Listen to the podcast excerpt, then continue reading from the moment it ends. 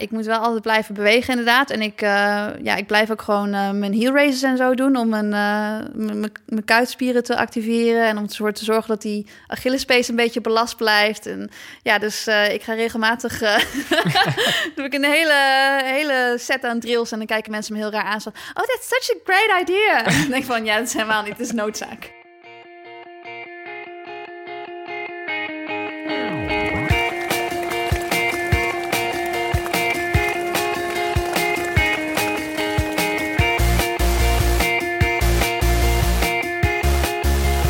Welkom bij de zevende aflevering van Suzy Q&A, de podcast over hardlopen, training en wedstrijden. Ik ben Olivier Heimel, hoofdredacteur van Runnerfield. En naast mij, gewoon op het tapijt hier in Hilversum, zit Susan Crummins, de nummer 2 van Europa op de 10.000 meter en nog heel veel meer. Welkom, Suzanne. Dank je. Suzanne, jij checkte bij mij en technicus Volkert of we niet ziek zijn geweest, want over vier dagen loop jij EK Cross in Tilburg. Ja, klopt. En dan ben ik natuurlijk altijd helemaal panisch de laatste week. En als iemand ziek is geweest of misschien denkt dat ze ziek worden, dan worden alle afspraken gewoon afgezegd. Ik ben dus niet ziek, maar ik ga even een kleine anekdote vertellen. Want het is een wonder dat ik niet ziek ben. Want ik zat zondag bij stralend weer met vrouw en dochter in de auto naar Drunen om hard te gaan lopen. Want in de Drunense duinen kan je heel goed hardlopen. 25 minuten in de auto en precies bij aankomst realiseer ik me dat ik mijn hardloopschoenen niet aan heb. Dat is mij nog nooit overkomen. Dus wij de hele ochtend daar, nog steeds prachtig weer. En vervolgens zei mijn vrouw, dan rij je wel naar huis, pak je daar je schoenen en dan breng je naar Bokstel, zodat je dan toch nog een stuk van 12 kilometer kan hardlopen. Top. Dus ik ga naar Boksel. En het moment dat ik uit de auto stap... en zij dus met de auto heel hard terug langs de snelweg... begint het toch te regenen. Het was echt episch. Maar ik heb het overleefd. Afijn, ik Cross. Je hebt vorige week even aan het parcours geproefd, zag ik. Wat vond je ervan? Ja, ik moest het natuurlijk even verkennen. Uh, nou, het lag er toen nog heel droog bij, maar ik denk inmiddels niet meer. Ik ben er niet meer terug geweest, maar zoals je al zei, het heeft best wel veel geregend. Dus ik denk dat er één groot modderbad ligt. En ben jij een moddermens? Ben ik een moddermens? nou, uh, ik, ik, ben al heel lang geen moddermens geweest, omdat ik nu echt al heel lang niet meer gecrossed heb, namelijk negen jaar. Maar vroeger, toen ik crossen liep, was ik nog een moddermeisje was. Was ik inderdaad als moddermeisje veel beter dan uh, op hele snelle parcoursen. Dus ik ga gewoon tegen mezelf zeggen dat het een voordeel is. Ook heb ik het niet geoefend, want ja, zoiets verleer je toch niet? Dat denk ik ook. En uh, je hebt gewoon spikes aan, neem ik aan.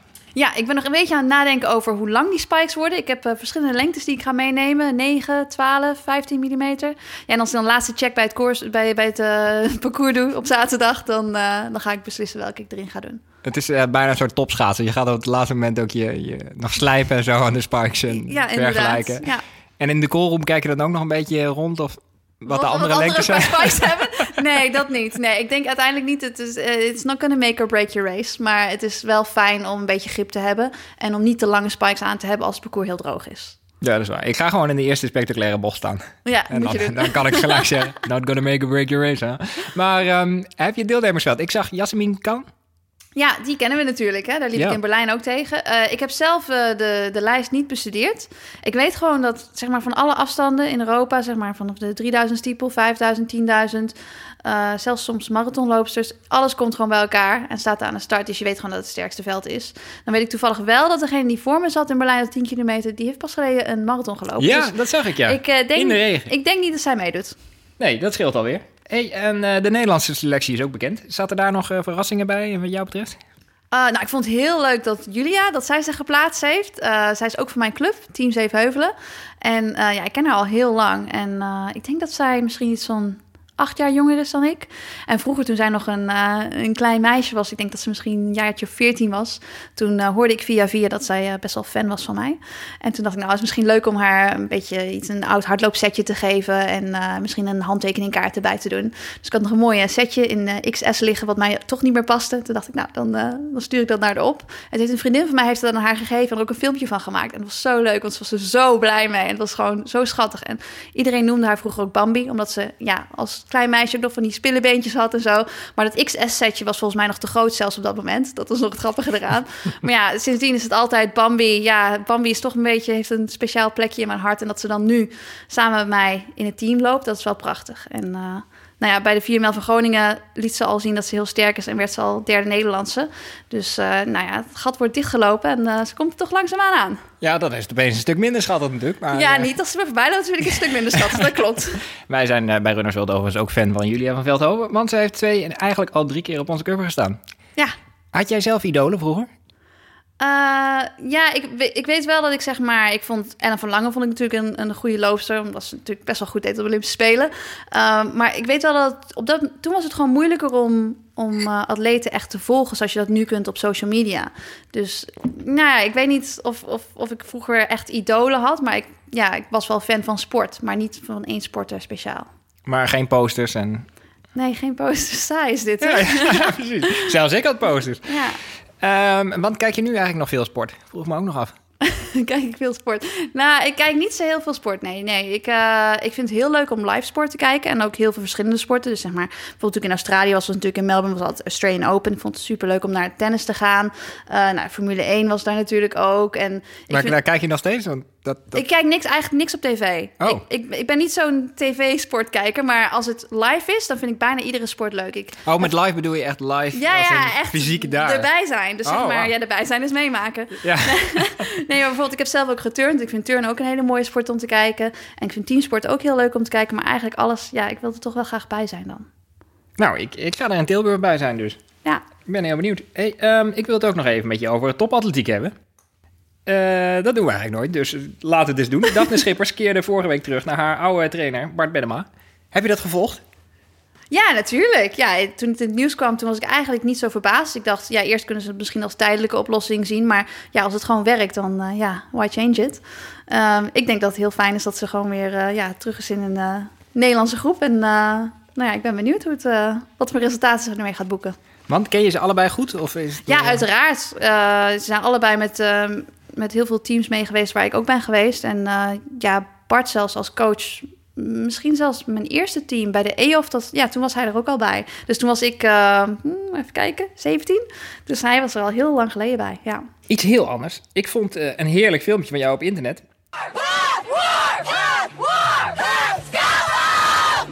Florida State's women's cross country team has found its way to the top of the rankings in recent years, and Susan Kuiken is at the front of the pack. Between track and cross country, Susan is an eight time All American, has seven individual ACC championships, and two individual national championships. she's a world class athlete. You can't even say, oh, she's national class. Forget it. She's world class. She's one of the best in the world. Prachtig dit. Ja, Die heerlijk Amerikanen, citaat. hè, Die Ja. overdrijven nooit. Heb je hier nog herinnering aan? Was dit een groot moment voor je? Ja, het, ik vond het wel leuk dat ze met die Yell begonnen. War, path. Weet je wel, ieder, ieder jaar moesten we eigenlijk wilden we een nieuwe Yell bedenken voor, Oh, onze, jeetje. voor onze wedstrijden. En als je daar cross liep in Amerika, dan liep je daar als team. En ja, ja, je scoorde allemaal voor het team. Ik weet even niet meer. Denk dat het misschien vier of vijf waren die dan scoorden. Dus het was heel belangrijk dat je het als team goed deed. Dus ja, die teamspirit, dat, dat moest er zijn. Dus nou ja, vlak voor je wedstrijd ging je dan je versnellingen doen. En dan op een bepaald punt ging de coach dan ergens 100 meter van de start staan. En dan stak ze de hand omhoog. En dan renden wij er allemaal naartoe. En dan gingen we in een, cirkel, in een, cirkel staan en gewoon zeggen van... Nou ja, we begonnen met de yell. En ja, het was dan altijd wel iets best wel agressiefs. Omdat je dan toch eh, ervoor wilde zorgen dat de, de een beetje bang werd. Maar, maar agressief als in seek and destroy? Of, eh, Nou ja, scalp hem. Dat betekent toch Oh, wel, ja, ja, ja, ja, scalp hem. Dat is wel, eh, dat is best wel intens, hè? Ja. Ja, dus daar werden ze wel bang van. Eh, nou ja, wij deden het als team ook heel goed, dus dat was natuurlijk, wel- dat was natuurlijk wel leuk. Dus het werkte wel. Scalperen was helemaal jullie ding. dat- ja, dus dat, daar heb ik wel goede herinneringen aan. En, en meteen als ik, als, ik, ja, als ik denk aan rennen in Amerika, ja, toen was ik inderdaad wel, had ik het witblonde haar, wat we deze week ook op, op, op Instagram hebben gezien. Hè? En toen zag ik er wel wat anders uit. Ja, Ja. maar, maar en weet je nog dat die cameraploeg langskwam? Waar- Waar werd dit uitgezonden? Eh, oh nee, dat weet ik niet meer. We deden heel veel dingen met, met media. En eh, in Amerika is het wel zo... Ja, je wordt er zeg maar een beetje... Je studeert daar, je wordt er opgeleid als, als, als hardloper... maar je leert ook heel erg daarmee omgaan met de media en zo. En eh, eigenlijk hadden we iedere week hadden we wel dat we iets deden... qua video's of ja, interviews en zo. Dus daar Oh, kan, je niet vertellen bij welke dit, dit is uitgezonden. Nee. Nou, zoek het toch eens op. Het is fantastisch. Ehm, ik wil het vandaag ook met je hebben over een eh, trend die mij fascineert. Namelijk hardloopquotes. Die zie ik veel onder Instagram post. Ehm, maar wat mij fascineert is, kloppen ze wel? Ik kom met de, de eerste, deze zie ik echt heel vaak. I really regret that run, said no one, ever. Geldt dat voor jou? Heb jij nooit spijt van dat je bent gaan lopen? Jawel, ik weet nog... Ik, meteen weet ik ook, het schiet meteen door mijn hoofd... het moment dat ik spijt had van een loopje. Vertel. Nou, dat was eh, vorig jaar in, eh, toen ik in, in Australië aan het trainen was. Toen, eh, nou, ik kwam terug van mijn blessure natuurlijk. En in, in februari begon ik weer een beetje met trainen in Nederland. En toen ging ik daarna naar Australië, wat warm weer training. En, en mijn coach was daar natuurlijk ook. En ik had uh, vier weken super goed getraind. En toen in, zeg maar, twee dagen, denk ik, voordat ik weer zou doorvliegen naar Amerika... om op stage te gaan naar Flagstaff, deed ik daar een duurloopje. En ja, halverwege het duurloopje had ik zoiets van... ja, mijn voet voelt toch niet zo goed. En toen kwam ik een beetje op een beetje moeilijk terrein... waar ik een beetje moest corrigeren. En ik dacht van, oh, gaat het wel goed? En toen dacht ik op een gegeven moment... ja, ik draai toch iets eerder om. Dus dan ben ik iets eerder omgedraaid. Maar toen had ik ook terug kunnen wandelen naar de auto. Maar ik denk van ja, ik ga niet wandelen. Hè. Dat schiet echt niet op. En het was warm. En waarom zou ik dat doen? Uiteindelijk ben ik dus, dus teruggerend. En toen heb ik misschien, nou ja, ik weet niet, 50 minuten tot een uurtje of zo gelopen. Maar ja, ik had natuurlijk al veel eerder moeten beslissen om gewoon mee te kappen. En gewoon naar de weg gewandeld. En, en, en dan maar proberen op een andere manier terug te komen. Maar ik had niet door moeten lopen. En uiteindelijk raakte ik toen weer geblesseerd aan die voet. Dus uh, achteraf dacht ik van, was dat ene duurloopje, was het dat waard? Ik denk het niet. Dus het is wel vaker dat ik de mist in ben gegaan. Dat ik denk van, oh ja, maar dat pijntje, daar kan ik nog wel even mee doorlopen. En dat het precies één duurloopje is dat net te veel is. Hatsa, wel gehakt gemaakt van de eerste. We gaan even door naar, naar de tweede. Die is misschien iets minder omstreden. Never judge a run by its first mile. Ik heb bijvoorbeeld best wel vaak die eerste anderhalve kilometer al door dat het niks wordt. Ja, dat klopt. Maar heb ik, heb ik ook wel eens. Maar dan ga je toch gewoon langzamer lopen. Kijk, als je me gewoon kunt blijven rennen, dan, dan is geen probleem. Ja, weet je, ik doe al mijn duurloopjes op gevoel. Dus ik kijk niet naar tempo. Nee, nee maar in een wedstrijd, zeg maar, als ik na anderhalf oh, kilometer denk, dit wordt helemaal niet, oh. wordt helemaal niets, dan, dan is het niet zo dat ik na drie kilometer denk, dit is mijn dag. Nee, Nee, maar dan moet ik wel zeggen dat ik wel eens, als ik een warming-up doe voor een belangrijke wedstrijd of zo, dat ik me wel eens heel slecht voel. Maar dat is dan toch een beetje de spanning van de wedstrijd. En dan kun je tegen jezelf zeggen: ja, maar ik ben niet zenuwachtig. Het zijn gewoon mijn benen. Mijn benen zijn zwaar. Maar soms dan start je en dan, dan gaat het toch wel oké. Dus dan, ja, dan is het meer omdat je door de spanning denkt dat je moe bent. Maar je hebt wel gelijk, als je met zware benen start, dan is het volgens mij heel lastig om dat bij een wedstrijd eruit te lopen. Ja, ik herken dat. Ik, vorig jaar liep ik het uh, NK Masters. Toen liep ik voor in en toen voelde ik me echt verschrikkelijk tijdens het inlopen. Maar toen zet ik mijn horloge uit en toen gaf hij ook aan 14 uur hersteltijd, zeg maar. Dan heb je nog 30 minuten voor de wedstrijd. Oh, en dan krijg je zo'n boodschap op je horloge. Ja, super. Ah, fijn. Um, de laatste. Running is a great metaphor for life because you get out of it what you put into it. Dat is een quote van Oprah Winfrey. Is het helemaal zo? Uh, ja, natuurlijk niet, niet 100%. Kijk, mensen krijgen blessures en soms dan voelt het heel onrechtvaardig dat je een blessure krijgt. Maar als je een blessure hebt, dan uh, als je veel aan je, aan je rehab en je herstel en je cross-training en zo doet, dan kun je er wel weer heel sterk uitkomen. Dus wat dat betreft is het wel, als je, als je dan niet opgeeft en er veel in stopt, krijg je er toch nog wel weer wat voor terug. Maar ja, je hebt natuurlijk van die freak accidents, dat je je blesseert en je enkel verzwikt of wat dan ook. En dat je denkt van ja, maar dat is niet eerlijk, want ik heb toch alles goed gedaan. Dus ja. Ik, dus ik zeg een, een, een, een gemengd beeld. Ja. Oh, het is tijd voor ons eerste segment, hoor ik. Ask Suzy. Stuur je vragen in, dan beantwoordt Suzanne die hoogstpersoonlijk in de uitzending.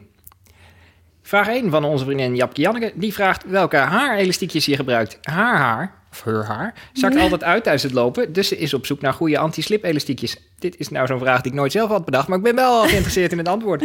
Heel, heel interessant. Ja, ik gebruik gewoon, ja, ik weet niet, het is een van de merkloos elastiekje, maar waar inderdaad wel een stukje rubber aan de binnenkant van het elastiekje zit, zodat hij niet uitglijdt. Het, het anti-slip. Het anti-slip uh, idee is dat, inderdaad. En als het dan eentje niet blijft zitten, dan doe ik er gewoon twee over elkaar. En dan uh, is het meestal wel goed. En als dat niet werkt, dan kun je ook nog een beetje haarspray boven in je staart spuiten en dan blijft hij ook gewoon zitten.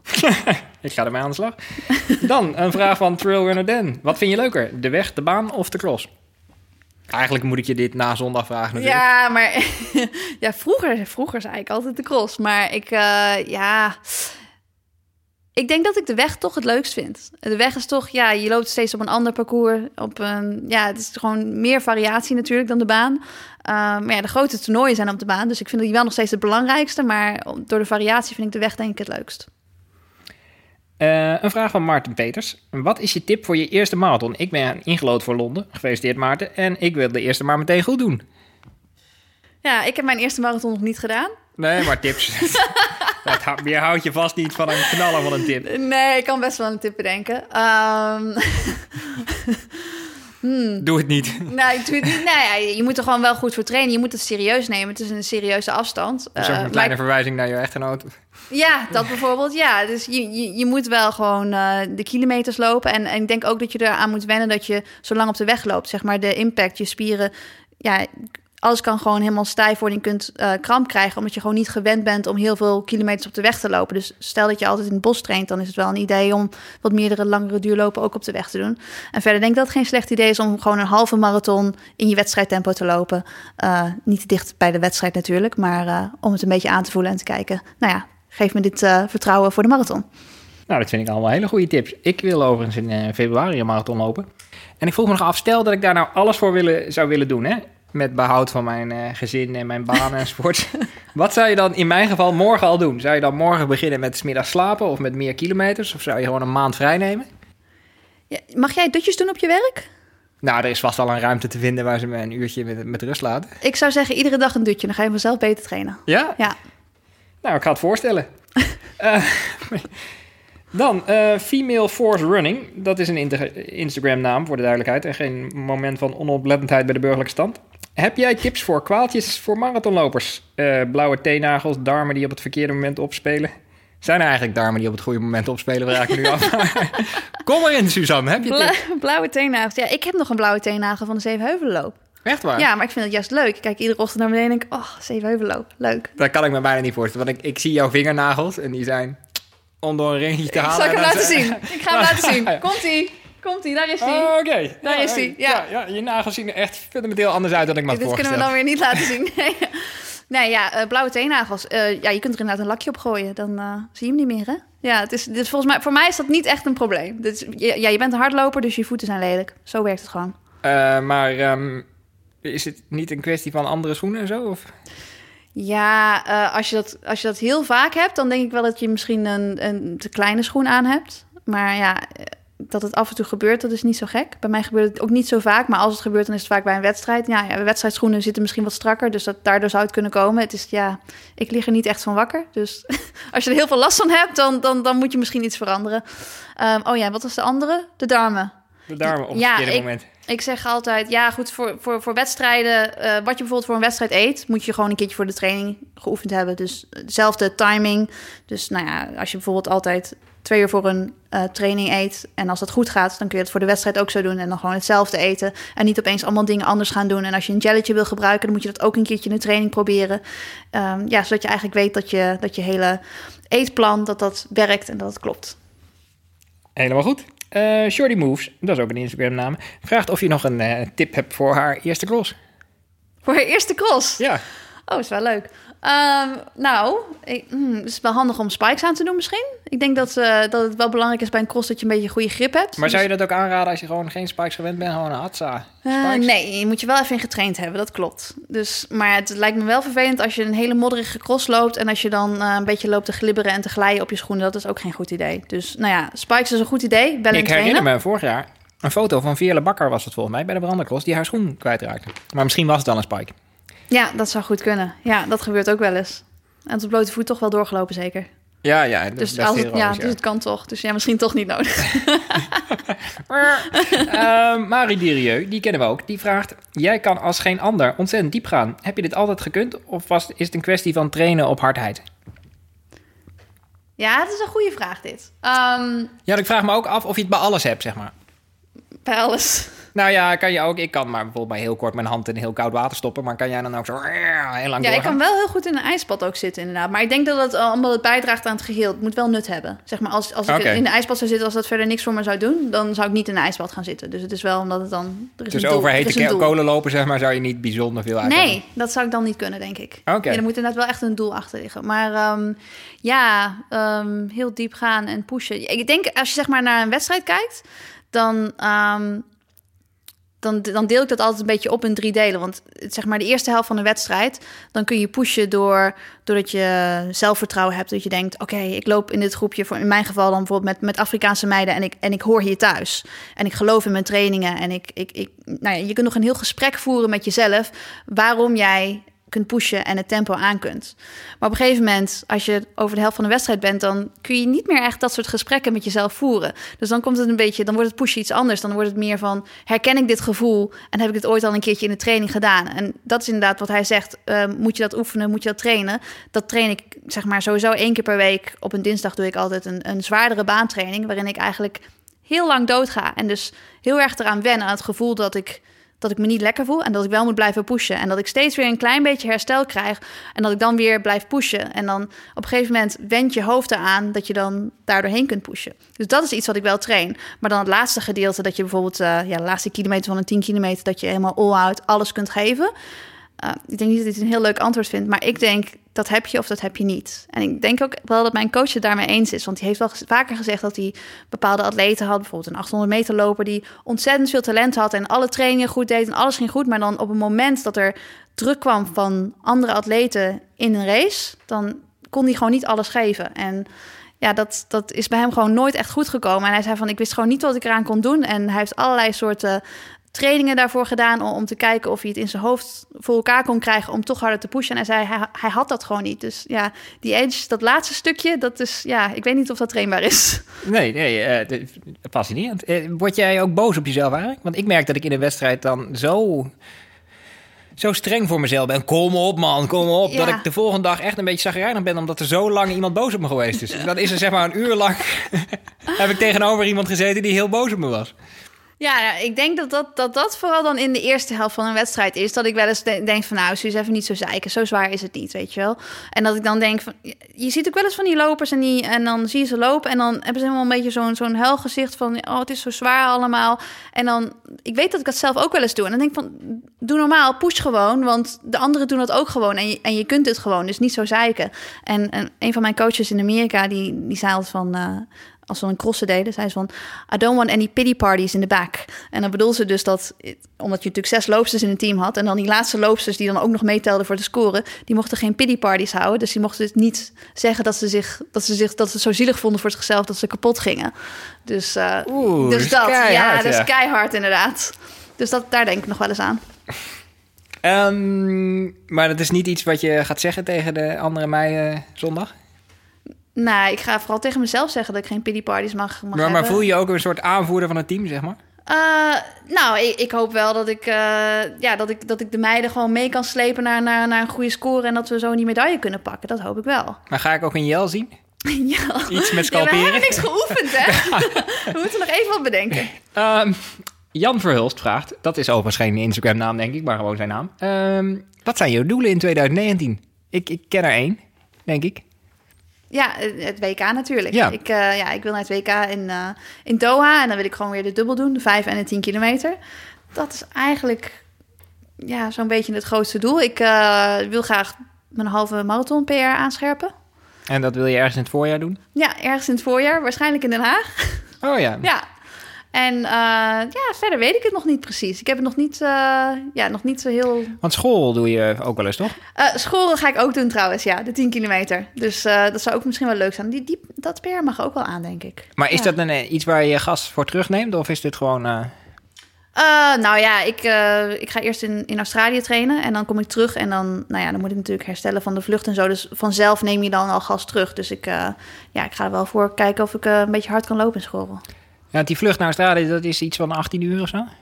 18 uur. Ja, nou, meestal duurde zo'n zo'n nou ja, tussen de 22 en 24 uur oh, over wow, met ja. mijn overstap. Ja. Ik had de Concorde tijden in mijn hoofd. Maar... Nou ja, 18 uur kan, maar dan is... Ja, goed, dat is... Wat is het? Ga je dan zeg maar heel opzichtig in, in het gangpad staan rekken en zo om het uur? Of? Ja, ik moet wel altijd blijven bewegen inderdaad. En ik, uh, ja, ik blijf ook gewoon uh, mijn heel races en zo doen... om mijn, uh, mijn kuitspieren te activeren... en om ervoor te zorgen dat die Achillespees een beetje belast blijft. En ja, dus ik ga regelmatig... doe ik een hele, hele set aan drills... en dan kijken mensen me heel raar aan. Zo, oh, that's such a great idea! dan denk ik van, ja, dat is helemaal niet, dat is noodzaak. een vraag van de fastrunners. Ehm, hoe schat je je kansen in in Tilburg zonder Sivan Hassan? Zeg jij Sivan Hassan overigens? Want ik hoorde vorige week Amerikanen zeggen Sivan Hassan. Ja, dat is een beetje de Amerikaanse uitspraak natuurlijk. Ik zeg gewoon Sivan, want ik ken haar gewoon goed. Dus ik zeg Ja. gewoon Sivan. Dus ik zeg de achternaam nooit. Ja, maar Ik zeg er ook niet altijd ja. als ik Sivan zeg, zeg maar. Ja, nee, ik zeg gewoon Sivan. Suzanne, dat durf ik nou inmiddels aan. Nee, maar uh, ja, zonder Sivan, er zijn natuurlijk nog steeds uh, heel veel goede andere concurrenten. Dus uh, nee, ik vind het heel moeilijk inschatten. Want ja, omdat ik natuurlijk niet zo bekend ben in de cross. En omdat het niet, ja, het is niet zo dat je kunt zeggen van ik, ik ga op, op dit tempo weg. Of op Nee. deze rondetijden. Dus ja, het- ik laat me gewoon een beetje verrassen. En ik vind dat eigenlijk ook wel mooi aan de cross. Dat je dat eigenlijk van tevoren niet zo goed kunt zeggen. Ja, dat scheelt een stuk. Ehm, een goede vraag van Radio René. Naar welke al dan niet hardloopgerelateerde podcast lu- luisteren jullie zelf? Ja, ik wil hier natuurlijk Looppraat noemen. En er is een nieuwe hardlooppodcast, hoor ik, Rappe Tijden. En natuurlijk de wielerpodcast van mijn bicycling collega Laurens de Dam. Eh, live slow, ride fast. Maar ik denk dat jij er ook nog wel een paar kent. er is een eh, internationale atletiek podcast waar je het laatst over had. Ja, ehm, Have Another One. Da- daar luister ik wel eens naar. Van, eh oeh, hoe heet ze nou? Ik weet even niet hoe, die, hoe, ze, hoe de host heet. Maar goed, zij heeft wel regelmatig ook hele leuke gasten. Ehm pas had ze Molly Huddle. Eh, ze was ook bij New York Marathon. Toen had ze Paul Radcliffe. Dus nou, het is wel eens zo dat ik een duurloopje doe. En eh, pas deed ik dus een lange duurloop samen met Molly Huddle en Paul Radcliffe. Vond ik heel leuk. En eh de Backstraight, toch? De Backstreet Boys, heet dat zo? Ja, Backstreet Boys. Backstreet ja, ja, Boys, zo ja, heet ja. het. Die Britse podcast. Ja, dat klopt ook. En die, die hebben ook wel leuke gasten. En dat is inderdaad een Britse podcast. Ik denk er zelf eh, sterk over om trouwens een podcast te beginnen die Dunne Mannen heet. Gewoon over het verborgen leed van dunne mannen. Maar daarover later meer. Ik ga luisteren. Ehm, en dan mijn favoriet van mevrouw Stickers. Met een Z. Zag ik nou op de foto's dat Suzanne halverwege de Zevenheuvelloop geen handschoenen droeg. En bij de finish wel. Hoe kreeg ze dat voor elkaar? Ja, ik dat- denk de beschuldiging is dat er twee Suzanne Cummins zijn. Ben je toevallig eh, ja, onderdeel van een tweeling? ja, dat klopt. Ja, dus eh, ja, daar gaan we al. ja, mijn broertje liep ook mee en die lijkt ontzettend veel op mij. Dus en hij had geen handschoen aan. Nou, ik weet niet of ze misschien foto's van vorig jaar, eh, vorige keer, zeg maar 2016 en, en, en dit jaar door elkaar heeft gehaald. Maar ik had inderdaad de hele weg lang gewoon mijn handschoenen aan.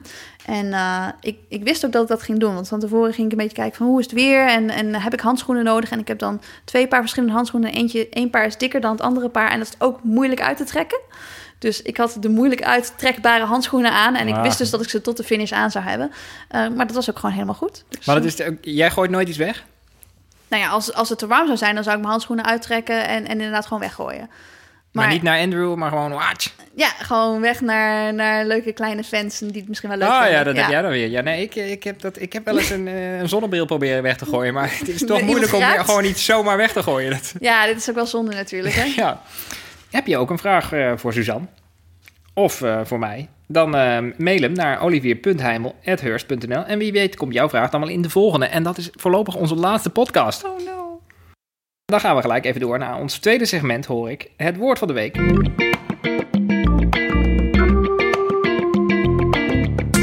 Junk miles. Junk miles. Vertel. Eh, junk miles is eigenlijk ook iets wat een eh, Amerikaanse coach altijd zei. Die, ehm, die wil niet dat als je je rustige duurlopen deed, dat je ze te hard liep. En dan zei hij van, ja, je hebt je, natuurlijk je rustige duurlopen die op een bepaald tempo moet lopen. En dan heb je daarboven ergens je threshold. En als je daartussen gaat lopen, dan noemde hij dat junk miles. Want dan liep je wel, maar dan werd je eigenlijk alleen maar heel erg moe. Maar het, het draagt dan ook niet bij in je threshold. Dus eigenlijk doet het niks. Dus dat noemde hij junk miles. Maar de junk is hier een verwijzing naar junk food. eh, Ja, niet inderdaad. Niet nodig. van- Kun je eruit halen. Maar het is natuurlijk niet helemaal waar. Maar het ging eigenlijk ook een beetje over dat... eh, in Amerika zijn ze heel erg obsessed met mileage. Dus het gaat er alleen maar om hoeveel kilometers je loopt iedere week. Terwijl in Nederland gaat het er veel vaker over wat voor een training je precies doet. En het is niet zo dat je dan per se je mileage aan wil vullen tot een bepaald aantal kilometers. Want het ligt er ook aan wat je in die kilometers doet. Maar bijvoorbeeld zondag, dan, dan liep ik dus in eh, regen. Dat had ik al gezegd. Ik had enorm veel medelijden met mezelf. Dus ik wilde het eigenlijk nog Ik een liep paar ook keer 80 minuten in de regen trouwens. heeft Just alweer saying. veel minder aandacht gehad. Maar, Ja, ik had een pet op. maar het was echt veel regen ook. Ik keek echt een paar keer naar boven van, meen je dit? Maar, ehm, maar toen had ik 51 kilometer gelopen voor de week. En dan, ik had echt sterk voorgenomen om 55 kilometer te lopen. Dus dan ga ik nog even 4 kilometer lopen s'avonds. Ja. Doe je ook zoiets? Is dat dan een junk mile, zeg maar? Ja, dat is zeker junk miles. En ik weet dat eh, teamgenootjes van mij dat altijd deden. En dan ging ze altijd uitlachen. Nou, dat mag na de uitzending. maar ik moet wel zeggen dat de eerste keer dat ik 100 kilometer in de week heb gelopen... dat was voor mij echt een bijzonder moment. En dat ik toen dus 99,9 kilometer had gelopen. Dus ik moest nog 100 meter. En eh, toen heb ik in de gang een paar keer heen en weer gerend... om toch de 100, ki- de 100 kilometer vol te maken. Dus dat Oh, en dan stond dat niet eens op Strava, zeg maar? Of Nee, maar dat doen we natuurlijk sowieso niet aan. Voor mezelf gewoon moest ik van... Nou, nu heb ik 100 kilometer en nu kan ik het in mijn logboek zo opschrijven. Ja, ik heb dat wel een keer in Portugal. In Portugal maak ik natuurlijk de langste week ook. En toen kwam ik ook net onder een heel mooi rond getal. En toen... Ook in de gang? Nee, toen, eh, toen moesten we nog iets halen van, eh, van de winkel of zo. Toen zei ik, ik ren er wel even naartoe. Hè? Die winkel was 200 meter of zo. Maar ik dacht, toch weer 400 meter. Wel op straven gezet. Zeker. hey, eh, wat zijn jouw eh, plannen de komende weken? Ik, eh, je hebt nog een wedstrijdje zondag. Ik heb een wedstrijdje zondag. Kijk ik heel erg naar uit. Maar daarna heb ik ook weer eventjes een rustige periode. Omdat ik natuurlijk na het baanseizoen eigenlijk een soort van meteen door ben gegaan. Ik heb een weekje rust genomen, maar dat is natuurlijk niet zo heel veel. En daarna ben ik meteen ook weer wedstrijden gaan lopen. Dus uh, nou, na het EK Cross heb ik eventjes uh, nou, een beetje rustig. Dan ga In ik jouw geval is dat 48 uur? Of? 48 uur. Rust? Of, of, Nee, nee, nee, wel een hier dat ik gewoon wat- palmstranden voor me? En... Nee, eerst een weekje gewoon alleen maar een beetje duurlopen. Dus dan ben ik nog in Nederland. Maar daarna vlieg ik dus naar Australië. Maar ik ga via Vietnam. En dan ga ik een weekje inderdaad gewoon lekker op het strand liggen. Maar ze hebben ook een lopende band. Dus iedere dag zal ik toch wel beginnen met een loopje op de lopende band. Maar In de rest van de dag helemaal niks doen. Ja, Daar heb je ook al gegoogeld of ze daar de loopband hebben. daar heb ik de plek op uitgezocht. Ah, Het is wel erg? Loop, loopbandlocaties Nee, in ik heb serieus naar foto's van de gym gekeken. Of de loopband goed genoeg was. Ja, want hij moet natuurlijk ook nog wel 16 km per uur kunnen. Ja, het moet een beetje, ja, een beetje stabiel eh, ding zijn ook. Niet zo'n eh, zo'n ding wat uit elkaar valt als je hem eh, op een bepaald tempo zet. Ik, ik ga me erin verdiepen. Ehm, en dan ga je nog Sinterklaas vieren eigenlijk. Sinterklaas, ja, dat is in onze familie al gevierd. Ja, dat kwam niet zo goed uit om dat midden in de week te doen. Dus wij hebben dat gewoon in het weekend al gedaan. Ah, Ja. Maar kerst vier je dan op een loopband in Vietnam? Of- Nee, met de kerst ben ik dus in Australië. En mijn ouders komen ook naar Australië. En mijn schoonfamilie zit daar natuurlijk. Dus dan gaan we zijn met z'n allen zijn we het gewoon in Australië aan het vieren. Shrimp on the Barbie, wordt te gek. En, want daar is geen sneeuw, neem ik aan. Nee, er is zon. Er, daar, wordt- daar wordt het warm, ja. Ja, jij eh, fronst nu mijn geografische kennis, maar ik probeer de luisteraar een beetje mee te nemen. Ja. Eh, nee, ja, dus in Melbourne is het eh, in december, januari tussen de 30 en de 40 graden zal worden. Ja. Nou, zo zijn we aan het einde gekomen van deze zevende Suzy Q&A. Dank Volkert van Dag en Nacht Media voor de productie. En dank u beste luisteraar voor het luisteren. En ook namens Suzanne, blijf luisteren en lopen.